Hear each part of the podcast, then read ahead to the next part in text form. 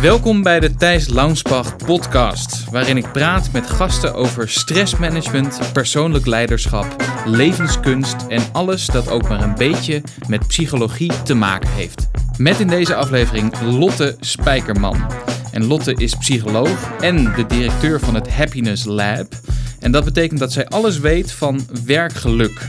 Over hoe je dat meet, hoe je dat kunt vergroten, uh, hoe je gelukkiger kunt worden op je werk en hoe je gedrag kunt veranderen. Dus daar heb ik het allemaal over met Lotte. Maar eerst vraag ik haar natuurlijk hoe haar week is geweest. Wat doen jullie nou in zijn algemeenheid bij Happiness Lab? Wat, waar houden jullie je mee bezig? Um, nou, breed eigenlijk. Alles wat uh, te maken heeft met het thema werk en werkgeluk. Um, en in die zin is het dat wij uh, werkgeluk meten. En als wij dat goed gedaan hebben, hebben wij haakjes om werkgeluk ook te gaan verhogen. Dus alles wat binnen dat thema valt, is, uh, is wat we doen. Dus daar adviseren we over. En met name geven we organisaties inzicht in waar de schoen wringt. En wat, um, waar, waar wringt de schoen dan over het algemeen? Ja, nou ja, dat is wel wisselend hoor. Het ligt echt aan de organisatie waar de, uh, waar de schoen dan wringt. Maar je ziet wel een aantal uh, zaken die toch wel wat vaker terugkomen. Uh, het, het wringt heel vaak op het gebied van autonomie. Zeker als je in organisaties gaat kijken waar veel jonge mensen werken, millennials veel. Um, en de schoen wringt ook nog wel eens als het gaat over werkdruk. Dat is natuurlijk eentje waar jij ontzettend veel verstand van hebt. En die zien wij ook heel vaak in het werk terug. Maar, maar, het is heel wisselend door. Je ziet ook zaken waar het eigenlijk misgaat op de vlakken van sociale verbondenheid. Dus hoe mensen zich ofwel verbonden voelen met collega's, ofwel met het idee van de hele organisatie als geheel. En dat zijn denk ik de, de hoofdfactoren daarin. Wat verstaan jullie of wat versta jij onder werkgeluk? Oeh, ja, moeilijk. Want werkgeluk is echt een gevoel dat je hebt. Ben je gelukkig in je werk? Um, geluk is sowieso natuurlijk een construct dat een beetje een, uh, uh, ja, een subjectieve ondertoon heeft. Gelukkig is het niet zweverig, want het is ontzettend goed te meten. We willen ook een beetje af van die hele libelle-vibe die daar omheen zit. Hè? Van je moet alleen maar in een yoga-pose gaan liggen en dan uh, word je vanzelf gelukkig. Um, maar wat we onder werkgeluk verstaan is dat je op die manier goed in je werk zit. Dat je een soort van flow te pakken hebt, waarbij je zowel purpose als pleasure vervult. Dus dat je je werk met plezier doet, maar dat je er ook een bepaalde betekenis uh, uithaalt. En als die beide vervuld zijn, dan spreken we eigenlijk wel van werkgeluk. Oké, okay, laten we heel even teruggaan, want het was een, een hele mond vol. Dus een bepaalde flow waarin zowel pleasure als purpose aanwezig zijn. Ja, dat klopt. En het zijn ook wel drie aparte constructen hoor, maar het, is, um, het liefst wil je ze allemaal vervullen. Uh, nou, theorie van flow denk ik jou wel bekend. Hè? Er is natuurlijk een bepaald optimum waarbij je zowel de uitdaging uh, hebt als dat je je competenties benut. Dus dat je um, ja, eigenlijk track of time ook een beetje kwijtraakt. Hè? Dat je denkt, joh, mijn dag is voorbij gevlogen. Ik heb mijn god geen idee meer wat ik met al die tijd gedaan heb. Maar ik voelde me hartstikke goed en ik, ik heb goed werk afgeleverd. Ik was productief enzovoort. Dus het ging, het ging vanzelf, zeg maar. Van die momenten dat je aan het werk bent en dan gewoon inderdaad dat de tijd vliegt. Maar ook dat je het idee hebt dat je weinig moeite hoeft te doen en dat het gewoon makkelijk loopt. Precies, en dat het gelukkig ook nog goed loopt. Want je, een heleboel zaken kunnen natuurlijk ook nog makkelijk lopen, maar dat je achteraf denkt: wow, uh, uh, dit was misschien niet wat ik bedoelde. Um, ja, dus, dus dat stadium, dat is een beetje een algemeen stadium van uh, uh, lekker in je vel zitten, ook buitenwerk natuurlijk. En als we het hebben over geluk, dan zie je de twee Um, zoals wij ze dan noemen, hoofddeterminanten van, uh, van werkgeluk, purpose en pleasure. Um, ja, plezier in je werk hebben is super belangrijk. En voor de een uh, ligt dat met name aan dat er fijne collega's zijn, of dat de taken die uh, hij of zij mag uitvoeren, dat dat leuke taken zijn. nou ja, alle zaken waar je plezier uit kunt halen in je werk. En dat is heel subjectief en heel persoonlijk. En aan de andere kant dus die purpose. En purpose wil meer zeggen, voel je je aangesloten bij uh, waar je als organisatie, waar je dan werkt, voel je je daarbij aangesloten in het geheel. Dus heb je het idee dat je een bepaalde betekenisvolle uh, taken uitvoert die bijdragen aan iets waar, wat jij belangrijk vindt. Dus een soort van uh, visie en missie misschien wel van de organisatie waar je voor werkt. Um, en dat, dat is ook weer heel persoonlijk. Waar haal je dat uit? Maar als je dat hebt, als je iemand vraagt, joh, heb jij plezier in je werk en heb jij het idee dat je een bepaalde betekenis uh, uh, in je werk vindt? En mensen antwoorden daar ja op. En dan kun je nog onderzoeken waar dat dan door komt natuurlijk. Dan spreek je wel van, uh, van werkgeluk. En wat is dan, ehm, waar, waar merken mensen dat aan? Dat ze, een, dat, dat ze misschien een beetje een gekke vraag, maar de, de, hun werkgeluk en waar ze dat uithalen. Wanneer hebben ze nou zo'n sense of belonging of een sense of purpose? Dit is universeel um, wel in te delen in een bepaalde categorie. Dat wil zeggen, als mensen bepaalde uh, maten van uh, uh, autonomie bijvoorbeeld hebben, sociale verbondenheid, maar ook als ze competenties mogen ontwikkelen, dus doen waar ze goed in zijn, dan zie je wel dat mensen zeggen, ja, ik zit hier op mijn plek. Dat is vaak wat je dan hoort. Hè? Um, en dan hebben ze het dus vaak over die constructen waar wij het dan over hebben als we spreken over purpose en pleasure. En, en hoe meet je dat dan, werkgeluk? Um, nou, we, hebben daar zelf bij Happiness Lab een speciale uh, monitor voor ontwikkeld, onze geluksmonitor. Um, en dat is een interactieve tool. Het is een soort webapp waar een uh, um, hele leuke en interactieve vragenlijst in staat. Die wij op uh, verschillende manieren gevalideerd hebben om echt te kijken, meten we nou wat we willen meten? Dus is die tool betrouwbaar? en dat doen we een aantal keren, meestal eens in de maand door herhaalde metingen. Dus wij zetten een soort van vragenlijst uit onder de medewerkers van de teams uh, waar we geluk meten. En die vullen zij zelf in. En dat zijn uh, leuke interactieve schalen. Dus als jij aangeeft, joh, in mijn werk ben ik niet echt vrij om te kiezen. Heb je een slider waarbij je aan kunt geven in hoeverre dat van toepassing is op jou. En daar bewegen ook alle icoontjes bij mee. Dus dan krijg je echt een idee van, joh, hoe ziet dat er dan uit in een afbeelding? Dus dat is geen statisch geheel. Um, en vervolgens ga je die resultaten natuurlijk interpreteren. Dan heb je altijd de persoonlijke resultaten. Iedereen krijgt op zijn eigen determinanten um, krijgt die scores. Gemiddeld over ongeveer 17 tot 22 uh, vragen in die monitor. En je hebt ook een teamgemiddelde. En dat is eigenlijk nog het meest interessante, want als je het hebt over geluk en geluk verhogen, dan wil je dat graag uh, per teams doen. Hè? Individueel kan ook, maar dat is natuurlijk heel specifiek en misschien wat, wat kleiner als je het hebt over impact. Uh, dan zit je al sneller aan die teams te denken. Dus met die metingen gaan we vervolgens ontwikkelen wat er uh, gemiddeld gezien binnen dat team speelt. En daar gaan we gericht op interveneren. Ja, dus je kijkt eigenlijk meer nog op teamgebied dan dat je op individueel gebied kijkt. Ja, je kijkt ook op individueel gebied. En elke uh, deelnemer aan zo'n monitor die heeft ook wel inzicht in de eigen scores. En dat is al vaak heel verhelderend. Hè? Want het is, je moet het een beetje zo zien. Het is een thema, we weten wel dat het belangrijk is. Maar binnen heel veel organisaties heeft het helaas nog niet de aandacht die het eigenlijk nodig heeft. En als je nou begint met zo'n monitor en je gaat mensen eens vragen van joh, uh, in hoeverre vind je eigenlijk dat je vrij bent om te bepalen hoe jij je werk inricht? Uh, of zaken als uh, ik kan het goed vinden met mijn collega's en dat je dan aangeeft in hoeverre dat um, voor jou geldt.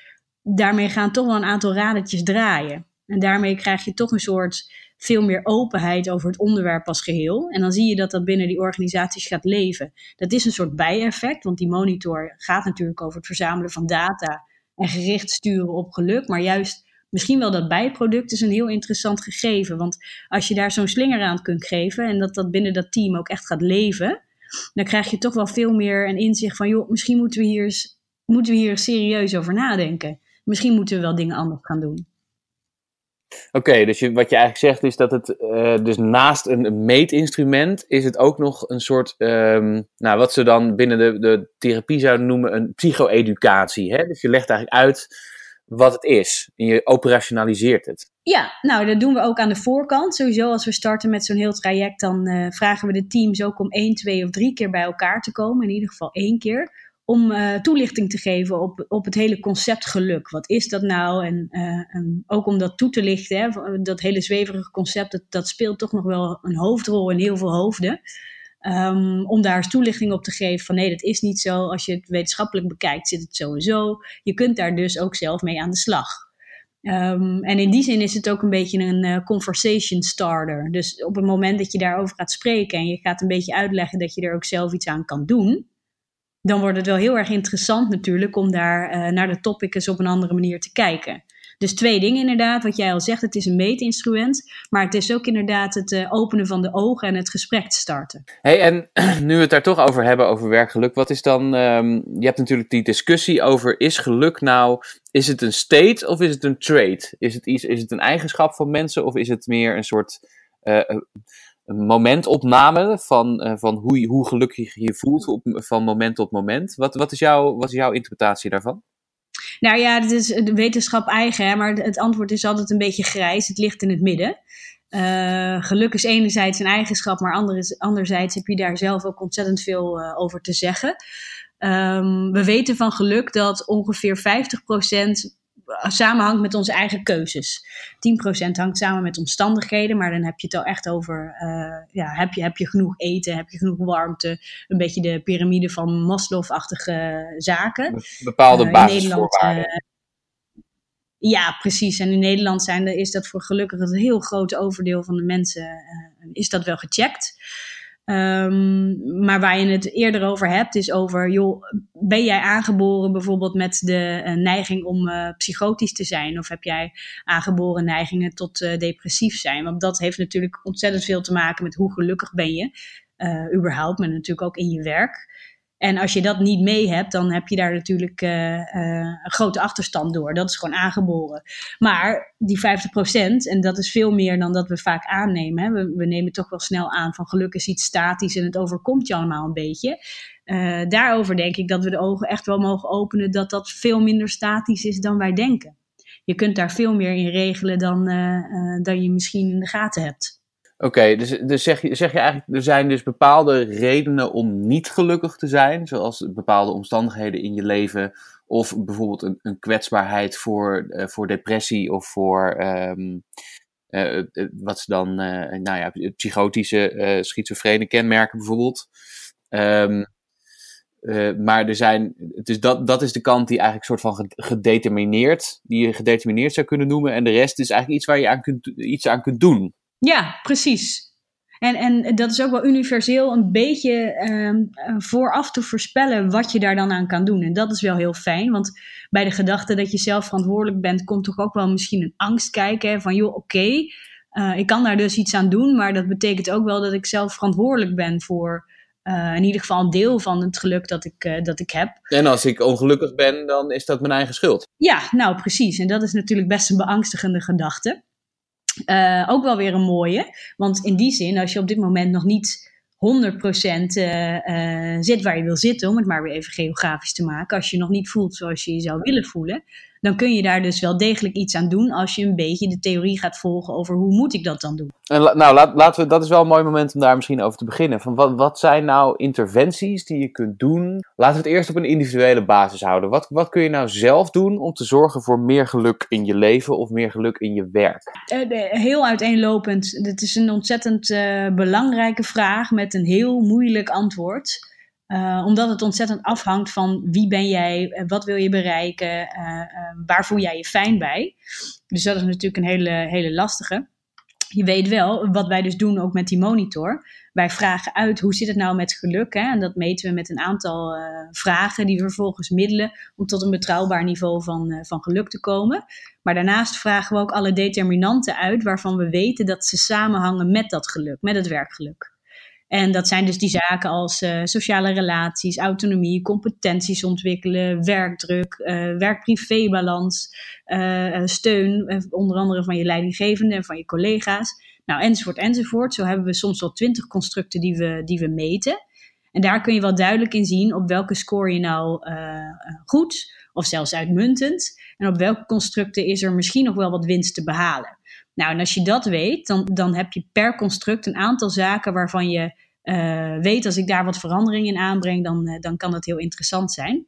Om een voorbeeldje daarvan te geven, want dat is, dit is best wel een beetje de theoretische kant daarvan. Dus ik kan me voorstellen dat dit nog niet echt gaat leven als je dit zo hoort. Um, maar het voorbeeld dat wij vaak gebruiken om dat te illustreren, um, stel dat je het hebt over purpose, misschien wel over betekenis in je werk, een van die constructen dus die we meten.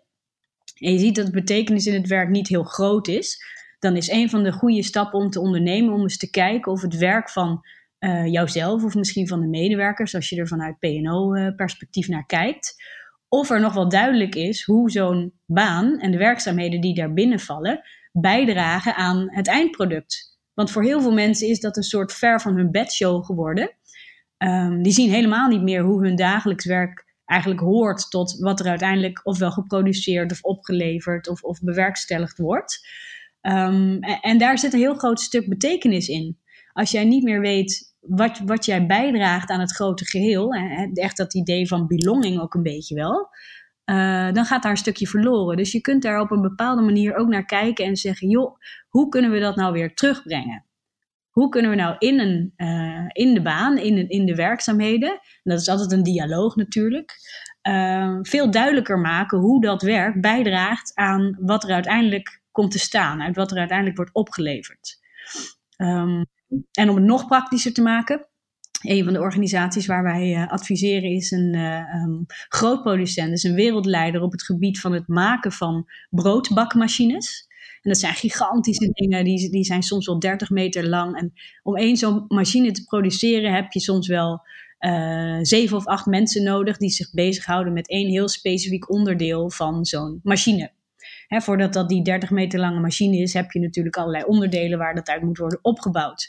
Nou, en wij zagen daar dat de betekenis uh, uh, vrij laag was die zij in hun werk uh, ervoeren. En we zijn daar eens gaan kijken van, kunnen wij dat nou veel zichtbaarder maken? Hè? Van hoe, hoe draagt jouw baan nou eigenlijk bij aan wat er gedaan wordt? En wat we zagen is dat de mensen die die machines maakten, helemaal aan de voorkant, die dus zorgden voor het aandraaien van de juiste schroefjes op de juiste plaatsen, um, en die, die dat als hun specialisme hadden, dus ook niks anders deden, um, dat die helemaal kwijt waren met waar ze dat uiteindelijk ook alweer voor deden. Zij zagen in essentie nooit het eindresultaat van die 30 meter lange machines. En ook nooit het eindresultaat van wat ze daar uiteindelijk mee leveren. En dat is namelijk dat er weer een producent is die daar brood mee maakt. En die maakt uh, mensen bij het ontbijt, bij wijze van spreken, blij met een heerlijk vers boterham.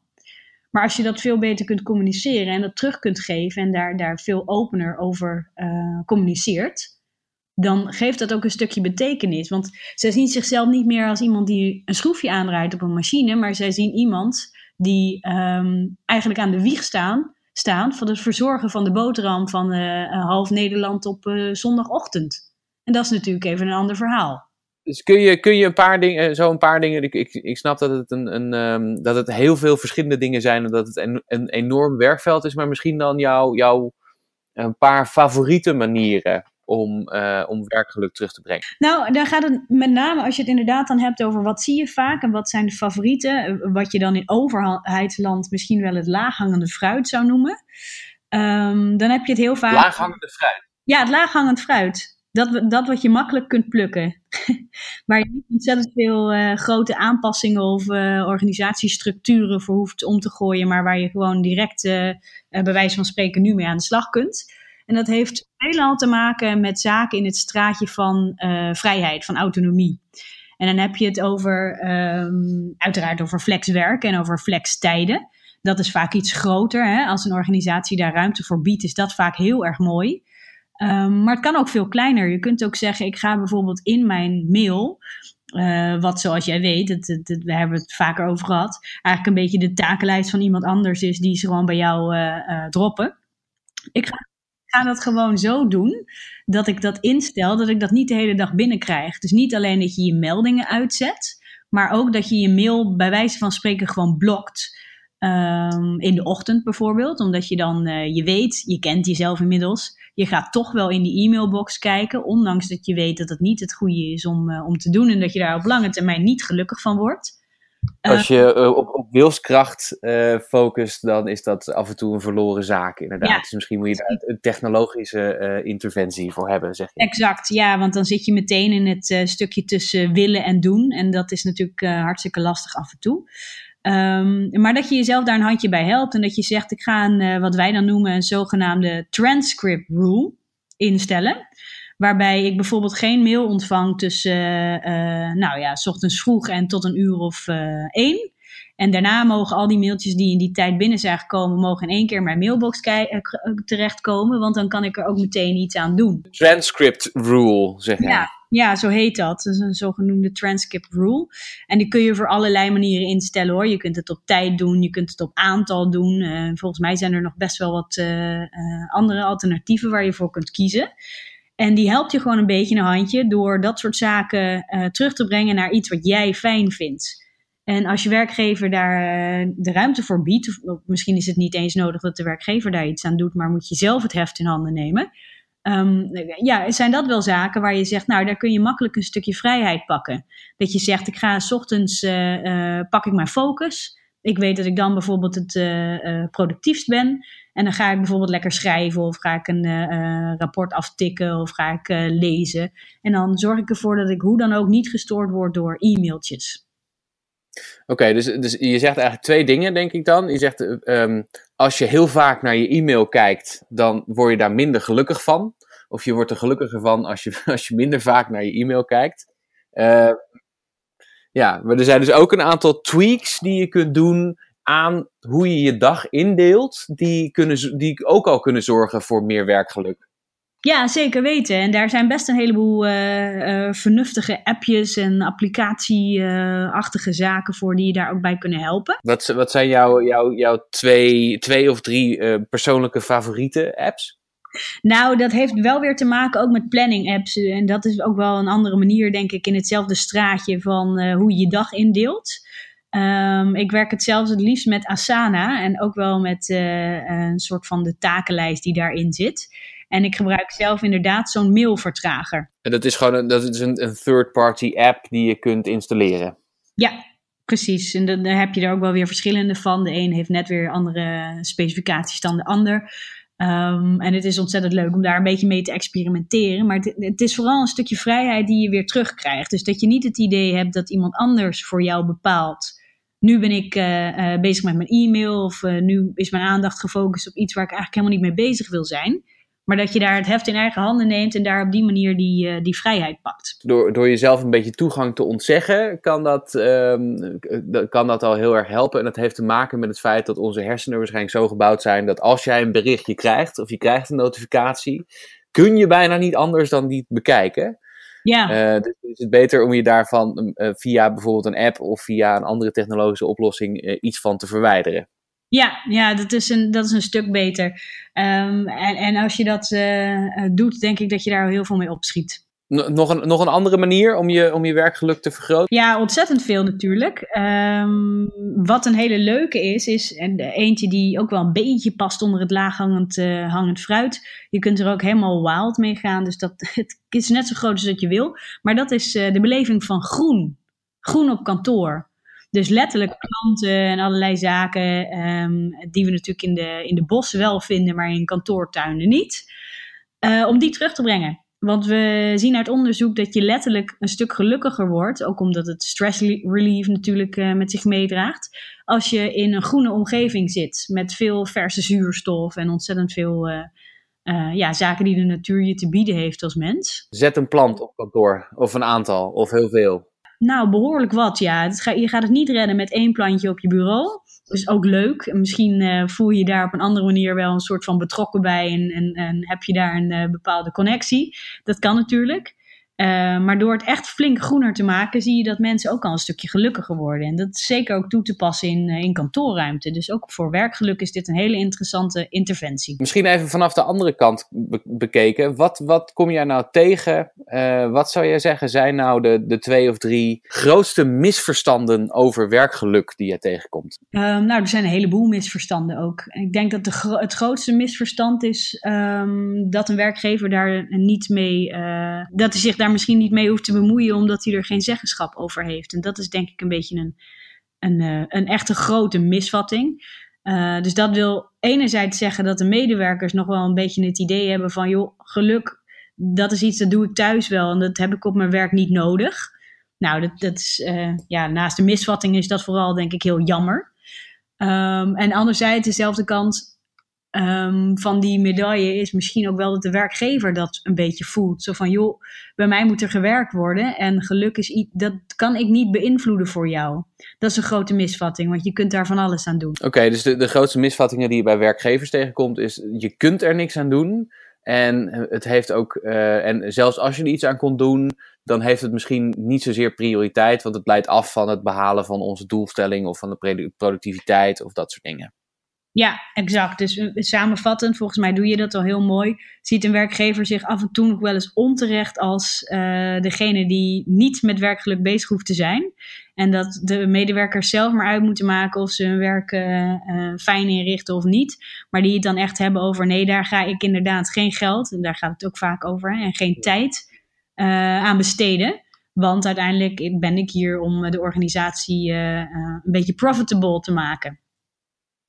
Nou, de grootste misvatting is natuurlijk ook nog dat als je voor geluk kiest, dat je als organisatie op de lange termijn een heel stuk winstgevender wordt. Dus dat is en een fout aan twee kanten. Eén aan de sociale kant, maar ook als je het bedrijfseconomisch bekijkt, is dat een fout. Uh, ja, waarom is dat een fout? Kun je dat uitleggen? Nou, dat, dat zit een beetje in de gedachte. Op het moment dat je investeert in werkgeluk van jouw medewerkers, krijg je er uh, veel meer voor terug dan alleen dat je een frivol extraatje zou geven en, en je medewerkers wat meer naar de zin maakt. Want juist dat hele principe zorgt ervoor dat jouw medewerkers op een heleboel vlakken beter gaan presteren. Um, en als ik dat zeg, dan heb ik het over zaken als uh, ze worden productiever, creatiever, werken beter samen. Uh, misschien wel onderbelicht, maar misschien wel een van de belangrijkste zaken, uh, tenminste zoals ik het zie, is dat je veel betere ambassadeurs van je organisatie creëert. denk dan ook meteen even aan het natuurlijk Amerikaanse voorbeeld Google. wie wil er niet bij Google werken? Terwijl er nog maar heel weinig mensen zijn die überhaupt één voet hebben binnengezet op het kantoor van Google. Um, maar die medewerkers zijn zo gigantisch ambassadeur van wat Google hen biedt. Uh, dat, dat ze anderen aanspreken om dat te doen. En tussen die anderen zitten natuurlijk ook de toptalenten. Dus het, het werkt op heel veel verschillende vlakken. Werkt dat investeren in geluk, werkt dat terug naar die organisatie. En uiteindelijk ook op financieel gebied. Dus de, het idee dat dat alleen maar een soort, um, soort zweverige geitenwolle sokken hobby is.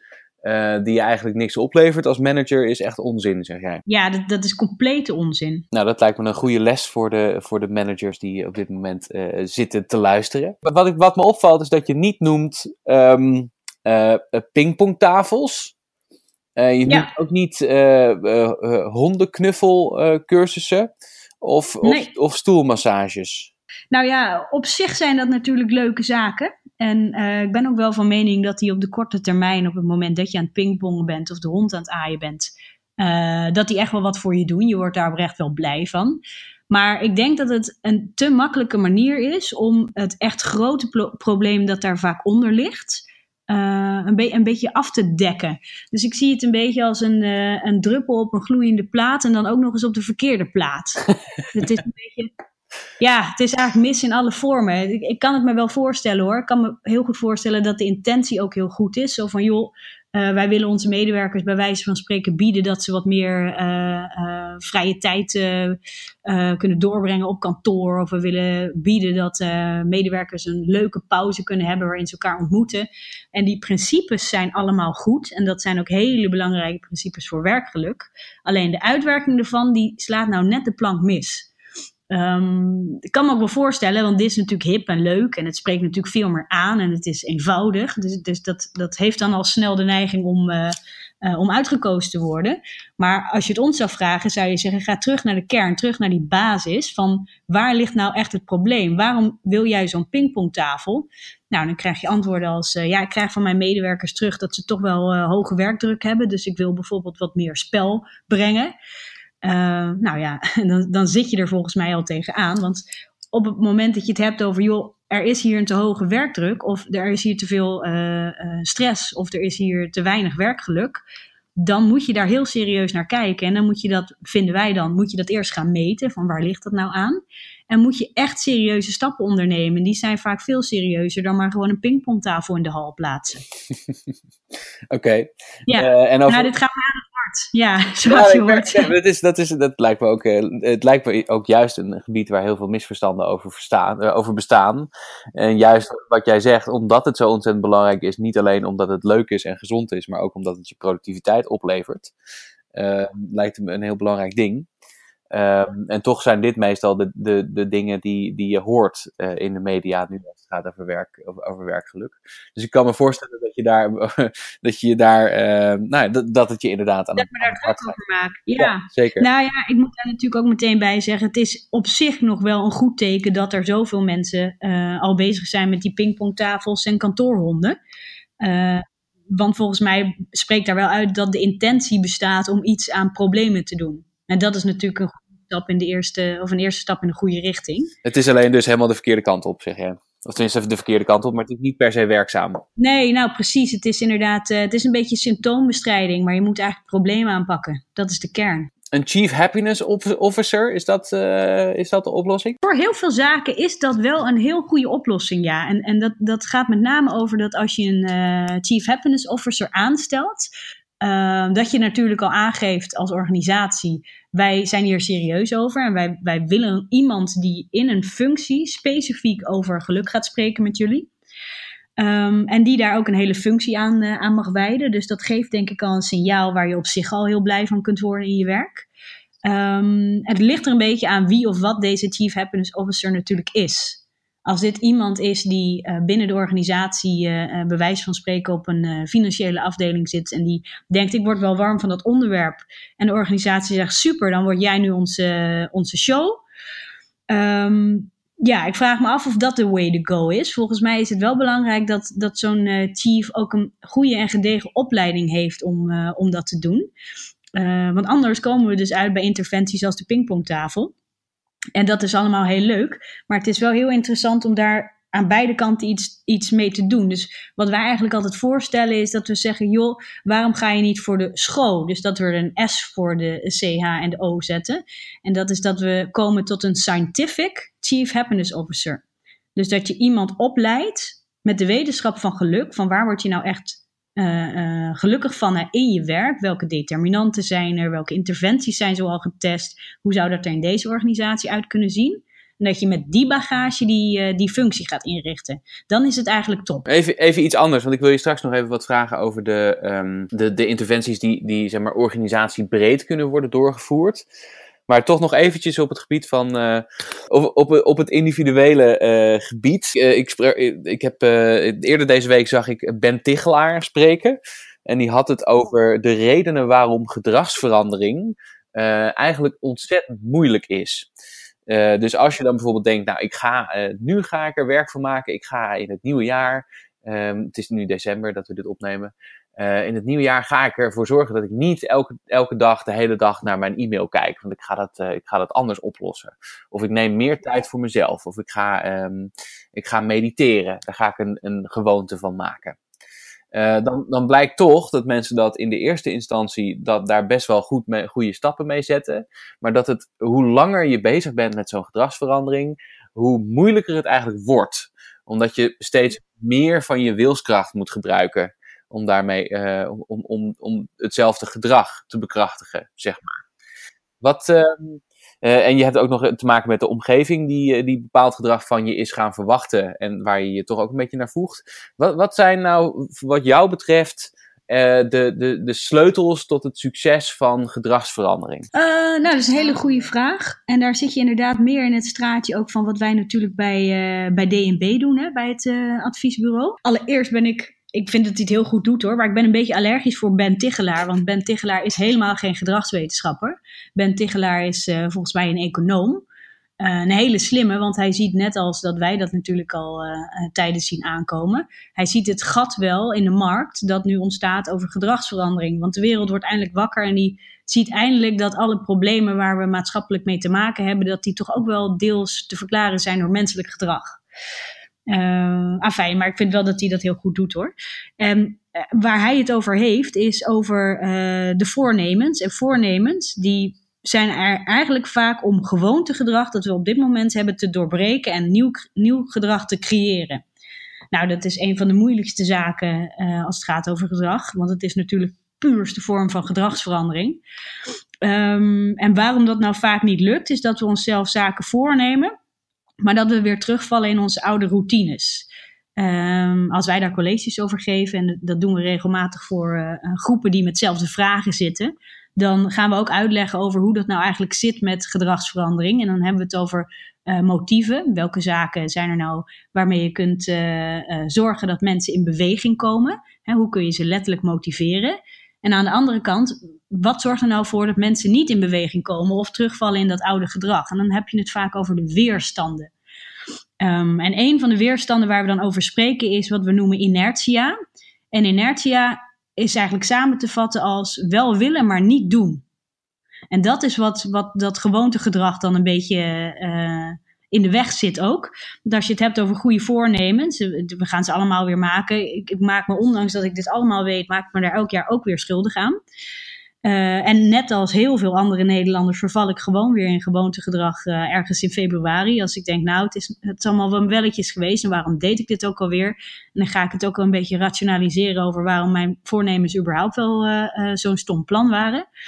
Um, maar inertia wil zeggen, als je gewoontegedrag wil doorbreken, dan zul je jezelf een beetje moeten helpen. En dat, dat moet je doen door slim om te gaan met wat je brein eigenlijk van je wil. Uh, daar weet jij natuurlijk ook van alles over vanuit de psychologie. Um, en daar komt er meer op neer dat je jezelf bijvoorbeeld kunt helpen door jezelf op slimme momenten te herinneren. Uh, en als we, zoals we dat noemen, een implementatie-intentie te maken. Dat je bij wijze van zegt, uh, stel je wilt meer gaan sporten. Als ik thuis kom, dan trek ik mijn schoenen aan en ga ik hardlopen. Dus dat je jezelf een soort van mentaal, ja, een soort gedragsregel uh, uh, creëert. En dat is heel fijn, want wat doet je brein nou op het moment dat je dan binnenkomt? Popt dat ineens op. Want je brein koppelt dat soort zinnen dan aan momenten. Dus als je zegt, als ik thuis kom en dan kom je thuis, denk je, ja, verhip, ik, ik zou gaan hardlopen. Als je slim bent, zet je dan je schoenen ook alvast klaar. En dan heb je een extra, uh, bij wijze van cue, die je daaraan doet, uh, doet herinneren. Um, en dat is de enige manier om, om daar echt iets in te doen vanuit jezelf. Je moet al heel erg gemotiveerd zijn bovendien om dat te doen ook. Dus het ligt ook heel vaak aan, ben jij wel echt gemotiveerd om dat te doen? Of heb je het idee dat bijvoorbeeld anderen van jou verwachten dat je uh, je gedrag aanpast? Dat je denkt, dat nou, anderen vinden mij misschien iets te zwaar. Ik zou misschien wat meer moeten sporten. Hebben ze wel een punt? Ja, als je daar al mee begint, dan wordt het natuurlijk al heel lastig. Dus jij zegt, als ik nou, als ik nou uh, dit keer wil bedenken, ik ga meer sporten en dat ga ik ook echt zo houden op de lange termijn. Dan zeg je, dat moet je vooral dus heel zeker weten en weten dat het je eigen verlangen is om dat te doen en niet die van anderen. Um, en als je, als je dat weet, dan is het eigenlijk zaak om uh, jezelf zo te programmeren dat het niet dat er een soort van automatisch gedrag wordt geïnstalleerd. En uh, dat je, dat je zoveel mogelijk de barrières daartoe weghaalt. Ja, precies. En ook met name de prikkels. Als jij normaal gesproken uh, in de voorraadkast voor het weekend alvast een paar zakken chips, hebt liggen, maar je betrapt jezelf erop dat je die uh, op dinsdag al aan het verorberen bent, kun je jezelf natuurlijk helpen door die zakken niet te kopen. In ieder geval niet voor het weekend. En, en, en je omgeving zo in te richten, um, ervan uitgaan dat je wel weet dat je op sommige momenten misschien niet zo sterk bent als je zelf zou willen. Ja, maar Lotte, het is toch ook gewoon karakter als je, als je weet dat er een paar uh, zakken chips in de kast liggen, maar dat je die niet opeet. Dat zou je toch eigenlijk wel moeten willen? Ja, ja nou ja, het is natuurlijk deels karakter. Ik, ik uh, uh, zou willen dat het 100% zo was, dan kwamen we er een stuk verder mee. Maar gedrag is natuurlijk ook voor het grootste deel um, onbewust. We laten ons heel erg leiden door zaken in de omgeving. Uh, dus als die prikkels er zijn en je ziet die meerdere malen, en zeker als je aan het eind van de dag thuis komt en je hebt er een lange dag op zitten en je bent wat moe, dan vallen we gewoon sneller voor zaken waarvan we eigenlijk wel weten dat we het niet zouden moeten doen. maar het lijkt ons op dit moment toch zo. Ja, nou ja, en dat is natuurlijk ook zo. Hè? Zo is het. Oké, okay, ja, je kan beter zorgen, zeg je, dat je, dat je niet in die situatie terechtkomt. Ja, en, en wat ook nog wel wil helpen, en dat is een, een, uh, een, sociale prikkel. Vertel mensen om je heen vooral wel dat je meer wilt gaan sporten en dat je misschien wat wilt afvallen. Um, zodat je ook een bepaalde, voor jezelf dan, hè, een soort sociale druk voelt. Dat als jij uh, in februari op de verlaten kerstborrel van, van je jaarclub komt. En die zegt, goh, hoe gaat het jou eigenlijk met dat sporten? Dat je dan niet hoeft te zeggen van, nou ja, eigenlijk ben ik er helemaal niet meer mee bezig. Uh, want dat voelt vervelend. We willen graag consistent zijn aan uh, wat we eerder gezegd hebben. Dus door dat hardop te zeggen, help je jezelf een beetje om toch die push, uh, push te hebben om toch te gaan sporten of toch wat minder te eten. Ik heb ook wel eens het tegenovergestelde gehoord. Mensen die zeggen van als je een doel hebt, dan moet je dat eigenlijk, als je weet dat ik ga bijvoorbeeld over een week ga ik echt beginnen met sporten. Um, dan heeft het niet zoveel zin om dat nu al te zeggen tegen mensen. Want als je dat dan nu zegt, dan krijg je al een soort van erkenning die eigenlijk zou moeten horen bij het halen van de doelen, maar die je dan nu al krijgt. Waardoor het minder aantrekkelijk wordt om daadwerkelijk te gaan sporten. Nou, daar kan ik me ook in vinden hoor. Want wat ik bedoel is met name dat als je dan uh, op 1 januari bent aanbeland. En dat is het moment waarop je zegt: ik ga vanaf nu uh, twee keer in de week sporten. Als je dan op de nieuwjaarsborrel staat met al je collega's, dat je dan zegt: Nou, ik ben ook begonnen met meer sporten. Dat was mijn goede voornemen voor dit jaar. En tot nu toe gaat het bijvoorbeeld heel, uh, heel erg goed. Dus het is meer op het moment dat je het aan het doen bent, communiceer dan dat je dat doet. En met name ook wat je doel daarmee is. Zodat je stiekem een beetje de andere uh, de munitie geeft om daar ook een beetje op uit te vragen af en toe. Ja, en dat je ook de, de praise die je krijgt, of de complimentjes die je krijgt, dat, die, dat je die ook wel daadwerkelijk verdiend hebt door het gedrag dat je al vertoond hebt, in plaats van dat je het nog gaat vertonen. En nou denk ik ook wel dat het goed is om aan de voorkant alvast aan te kondigen dat je dat gaat doen. Omdat je dan natuurlijk ook een bepaalde, uh, je legt jezelf ook een bepaalde verwachting op. En dat helpt natuurlijk ook wel. Welke, welke gedragsverandering ga jij in het nieuwe jaar uh, uh, bewerkstelligen? Ik wil eigenlijk veel meer groente eten en met name veel minder uh, dierlijke producten. Ik heb een aantal collega's om mij heen die uh, eten al heel lang vegan. En ik heb daar diep respect voor, want ik denk oprecht dat ze daarmee de wereld, nou ja, redden wordt een beetje lastig, maar wel een heel stuk in de goede richting bewegen. Maar mijn goede voornemen is dus dat ik minder vlees en vis eet. en überhaupt wat meer groenten. Zou niet, zou niet gek zijn het liefst wat minder dierlijke producten ook naast uh, vlees en vis. Dus denk aan eieren. Mm. En, en hoe ga jij dan als, uh, als gedragsverandering-expert ervoor zorgen dat dat helemaal gaat lukken bij jou? Ja, dat is een gewetensvraag natuurlijk. Maar ja, zoals ik al zei, ga ik natuurlijk proberen om een beetje met die intenties uh, te werken. Dus als ik in de supermarkt sta, dan mijt ik het vak voor dierlijke producten. Of, of dan loop ik naar het vak voor de, voor de groenten. Uh, dus mezelf daar een beetje de, de ezelsbruggetjes voor geven, een beetje de linkjes laten leggen. Maar met name ook aan de voorkant bijvoorbeeld mezelf eens een uh, uh, vegan kookboek cadeau te doen. En die bijvoorbeeld midden in de keuken op een mooie standaard te zetten. En daar een beetje in te bladeren al in de aanloop naar, naar januari. Nog niet uit te koken, want dan is het natuurlijk hartstikke leuk dat je daar in januari eindelijk aan mag beginnen. En je nou ook nog eens heel erg schuldig voelen als je dan een keer wel een hamburger tot je neemt? Nou, dat heb ik nu al. Dus ik denk dat dat denk dat het wel een beetje blijft. En het is bij mij ook echt wel puur gewoontegedrag en uh, nog niet zo goed weten wat, wat het hele vega en vegan uh, wereldje te bieden heeft. Want op het moment dat ik vegetarisch eet, uh, denk ik, goh man, dit is, dit is minstens zo lekker als die hamburger van, van afgelopen week.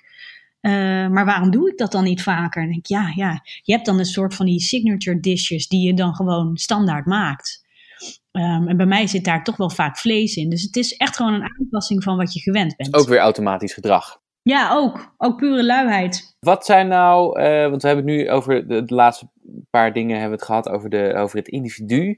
Nu toch weer even terug naar wat bijvoorbeeld managers die nu zitten te luisteren, um, of mensen die um, werken in een team en denken, nou wat zouden we nou als team kunnen doen om elkaar te stimuleren voor meer werkgeluk op de werkvloer? Heb je daar, heb je daar tips voor? Ja, ja, en de eerste is denk ik een open deur. Uh, en dan heb je het echt over, maak dat topic überhaupt bespreekbaar. Ik denk dat heel veel mensen binnen de organisaties denken van, joh, ik zou er eigenlijk wel mee bezig willen, maar misschien uh, uh, wordt dat wel niet gevoeld door anderen. Mijn baas ziet me aankomen als ik met zo'n thema kom. Dus als je, zeker als je als manager die kans hebt, slinger dat onderwerp eens aan en haal een beetje dat taboe van je mag niet uh, genieten in je werk. Hè? Dat, dat toch nog wel geld op veel plekken. Haal dat er een beetje af en maak een beetje ruimte voor het idee dat je ook werkgeluk mag ervaren. Dat is de eerste tip. Ja. En dan vervolgens en maak er een soort gezamenlijk project van. En zorg er ook dat er opvolging in zit. Dus dat je bij wijze van spreken uh, twee wekelijks of maandelijks, of nou ja, misschien heb je wel een overleg dat uh, uh, periodiek terugkeert. Besteed daar periodiek aandacht aan. En heb ook een beetje tijd en een beetje geduld om te zorgen dat dat ook gaat leven. Dus ga er niet vanuit dat meteen na de eerste meeting iedereen volop bezig is met het thema werkgeluk. maar neem even de ruimte en de tijd om daarop te wachten. Uh, maar ben zelf vooral enthousiast. En als je ziet dat er mensen opstaan, er is altijd binnen het team wel één of twee mensen die daar, uh, uh, die daar al aan het begin al warm voor lopen. Omarm die ook en maak die bij wijze van spreken de ambassadeurs. En ga samen op zoek naar wat is het nou dat, dat wij kunnen doen om het werkgeluk te vergroten. Nogmaals, liefst natuurlijk met die scientific base. Hè? Dus dat je wel uitgaat van wat weten we eigenlijk van geluk. Um, en en hoe, we, hoe we dat kunnen stimuleren en wat weten we dat misschien minder helpt. Om te voorkomen dat je dus eindigt met uh, kantoorkavia's. Ga er niet vanuit dat het allemaal snel lukt. Uh, wees zelf een ambassadeur en herken ook de, de ambassadeurs die zich daarmee bezig willen houden. Precies, en begin gewoon klein. Je hoeft echt niet meteen je hele organisatie om te gooien uh, tot iets dat dan Google-like is. Maar begin gewoon met de zaken waar je wel al meteen de eerste stappen in kunt nemen. En kijk ook hoe dat werkt. En, en um, ja, ik durf er echt mijn hand voor in het vuur te steken. Dan ontstaat er gewoon een bepaalde energie en een bepaald enthousiasme. En als je, als je dat kunt beetpakken, dan gaat het ook wel als een soort van vliegwiel werken. Als je eenmaal bezig bent met dat thema en het gaat leven, dan zie je ook dat de veranderingen die misschien wat meer uh, energie, wat meer tijd en misschien ook wel geld vragen, dat daar ineens ruimte voor komt en dat daar ook uh, ja, dat daar toch wel een bepaalde vibe in zit die men dan wel wil, wil gebruiken, wil inzetten. En dan, dan kom je echt erg. Wat, uh, even, even tot slot, wat, wat, wat doe jij? Je, je werkt dus bij uh, het Happiness Lab. En jullie zijn je bijna uitsluitend bezig met dit, met dit onderwerp, onderwerpen die hier aan gerelateerd zijn. nou, kan ik me eigenlijk twee dingen voorstellen. Um, ofwel um, dat je hebt wat ze altijd zeggen over de, de, het gebit van, van de tandarts zelf dat dat een stuk minder is dan de, uh, dan de gebitten waar uh, de tandarts aan werkt. Uh, ofwel dat ja. jullie dit helemaal supersonisch geregeld hebben bij jullie. Hoe zit dat? gelukkig neigen we wel meer naar tweede hoor. maar ook hier zijn er nog wel zaken waar we kunnen, kunnen sturen en waar we het werk, werkgeluk echt nog wel wat kunnen verbeteren. Maar wij zijn wel echt van de practice what you preach. Dus als je het hebt over bijvoorbeeld uh, autonomie, sociale verbondenheid. Uh, wij meten het uiteraard ook intern, want ja, practice what you preach, dat kun je ook niet zeggen zonder dat je het natuurlijk zelf zelf doet. Um, en je ziet dat wij wel hele hoge scores hebben op dat soort uh, uh, determinanten. Waar het bij ons nog wel eens misgaat, en dat is ook gestuurd eigenlijk door, door ons eigen enthousiasme, is dat onze werkdruk wel eens te hoog is. Tenminste, we ervaren die als te hoog, want dat is natuurlijk subjectief. Hè? Wanneer ervaar je nou werkdruk? Um, en daar zijn we ook serieus naar aan het kijken van hoe kunnen we nou bijvoorbeeld aangeven, dit is wat je maximaal aan een aantal projecten bijvoorbeeld kunt leiden of een aantal um, uh, adviestrajecten waar je mee bezig kunt zijn. Um, ja, dus er is altijd wel iets te winnen, maar wij zitten gelukkig wel meer naar de kant van het mooie gebit dat de tandarts uh, uh, maakt. In plaats van dat hij zelf een heel slecht gebit heeft. Moet ook wel. Dus, dus jullie zijn er heel actief mee bezig. Het is alleen af en toe een beetje druk. Nou, dat klinkt heel herkenbaar. Het komt natuurlijk ook voort uit het feit dat, er een heleboel leuke opdrachten voor de deur staan. Dat er mensen met ontzettend leuke verzoeken komen. waarvan je denkt, nou, dit is misschien wel mijn droomopdracht. Uh, maar ik heb het eigenlijk een beetje te druk op het moment, want ik, ik zit wel redelijk vol. Doe je het dan of doe je het dan niet? He, dus het, werkdruk wordt pas een probleem als je er ook echt, als je er echt niet lekker meer bij voelt. Maar flink werken, daar is natuurlijk niks mis mee. Zolang je er blij van bent. En hoe vaak heb je nou al je, je potentiële droomopdracht gehad deze, dit, dit jaar? Ja, dat is dan wel weer mooi. Want de, elke keer denk ik, nou, dit, leuker dan dit wordt het misschien wel niet. En dan toch elke keer weer, als dan zich iets nieuws aandient, denk ik, nou, dit is ook wel echt gigantisch leuk. Dus eh, de, de eerlijkheid gebiedt ook te zeggen dat je dingen vaak wel erg leuk vindt. dus een, een echte potentiële droomopdracht. Nou, de echte, echte, die hebben we denk ik uh, uh, twee, drie keer per jaar. Maar we mogen zeker niet klagen als we het hebben over de andere opdrachten waar we, waar we aan werken. Want dat zijn stuk voor stuk allemaal heel uitdagende en, uh, en leuke projecten die energie geven. Lotte, je hebt voor mij een, een, een onderwerp, namelijk werkgeluk, een, een heel stuk concreter gemaakt. En ook heel goed kunnen uitleggen, denk ik, aan de mensen die luisteren, hoe ze zelf um, meer geluk kunnen vinden op hun werk. Maar ook hoe zij eventueel als manager of als medewerker voor meer geluk kunnen zorgen op de werkvloer. Um, hartstikke bedankt voor je tijd en voor je uitleg daarover. Nou, graag gedaan. Lotte Spijkman, dankjewel. Je luisterde naar de Thijs Launsbach podcast. De links, de namen en de informatie uit deze aflevering kun je vinden in de omschrijving.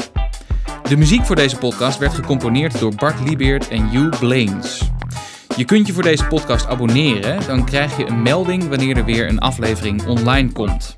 Dit kan via iTunes, via Spotify, via de andere podcastkanalen of via thijslaunsbach.nl. En mocht je daar dan toch zijn, schrijf je dan vooral ook in voor mijn nieuwsbrief. Dan hou ik je op de hoogte van alle nieuws rond boeken, columns en podcasts.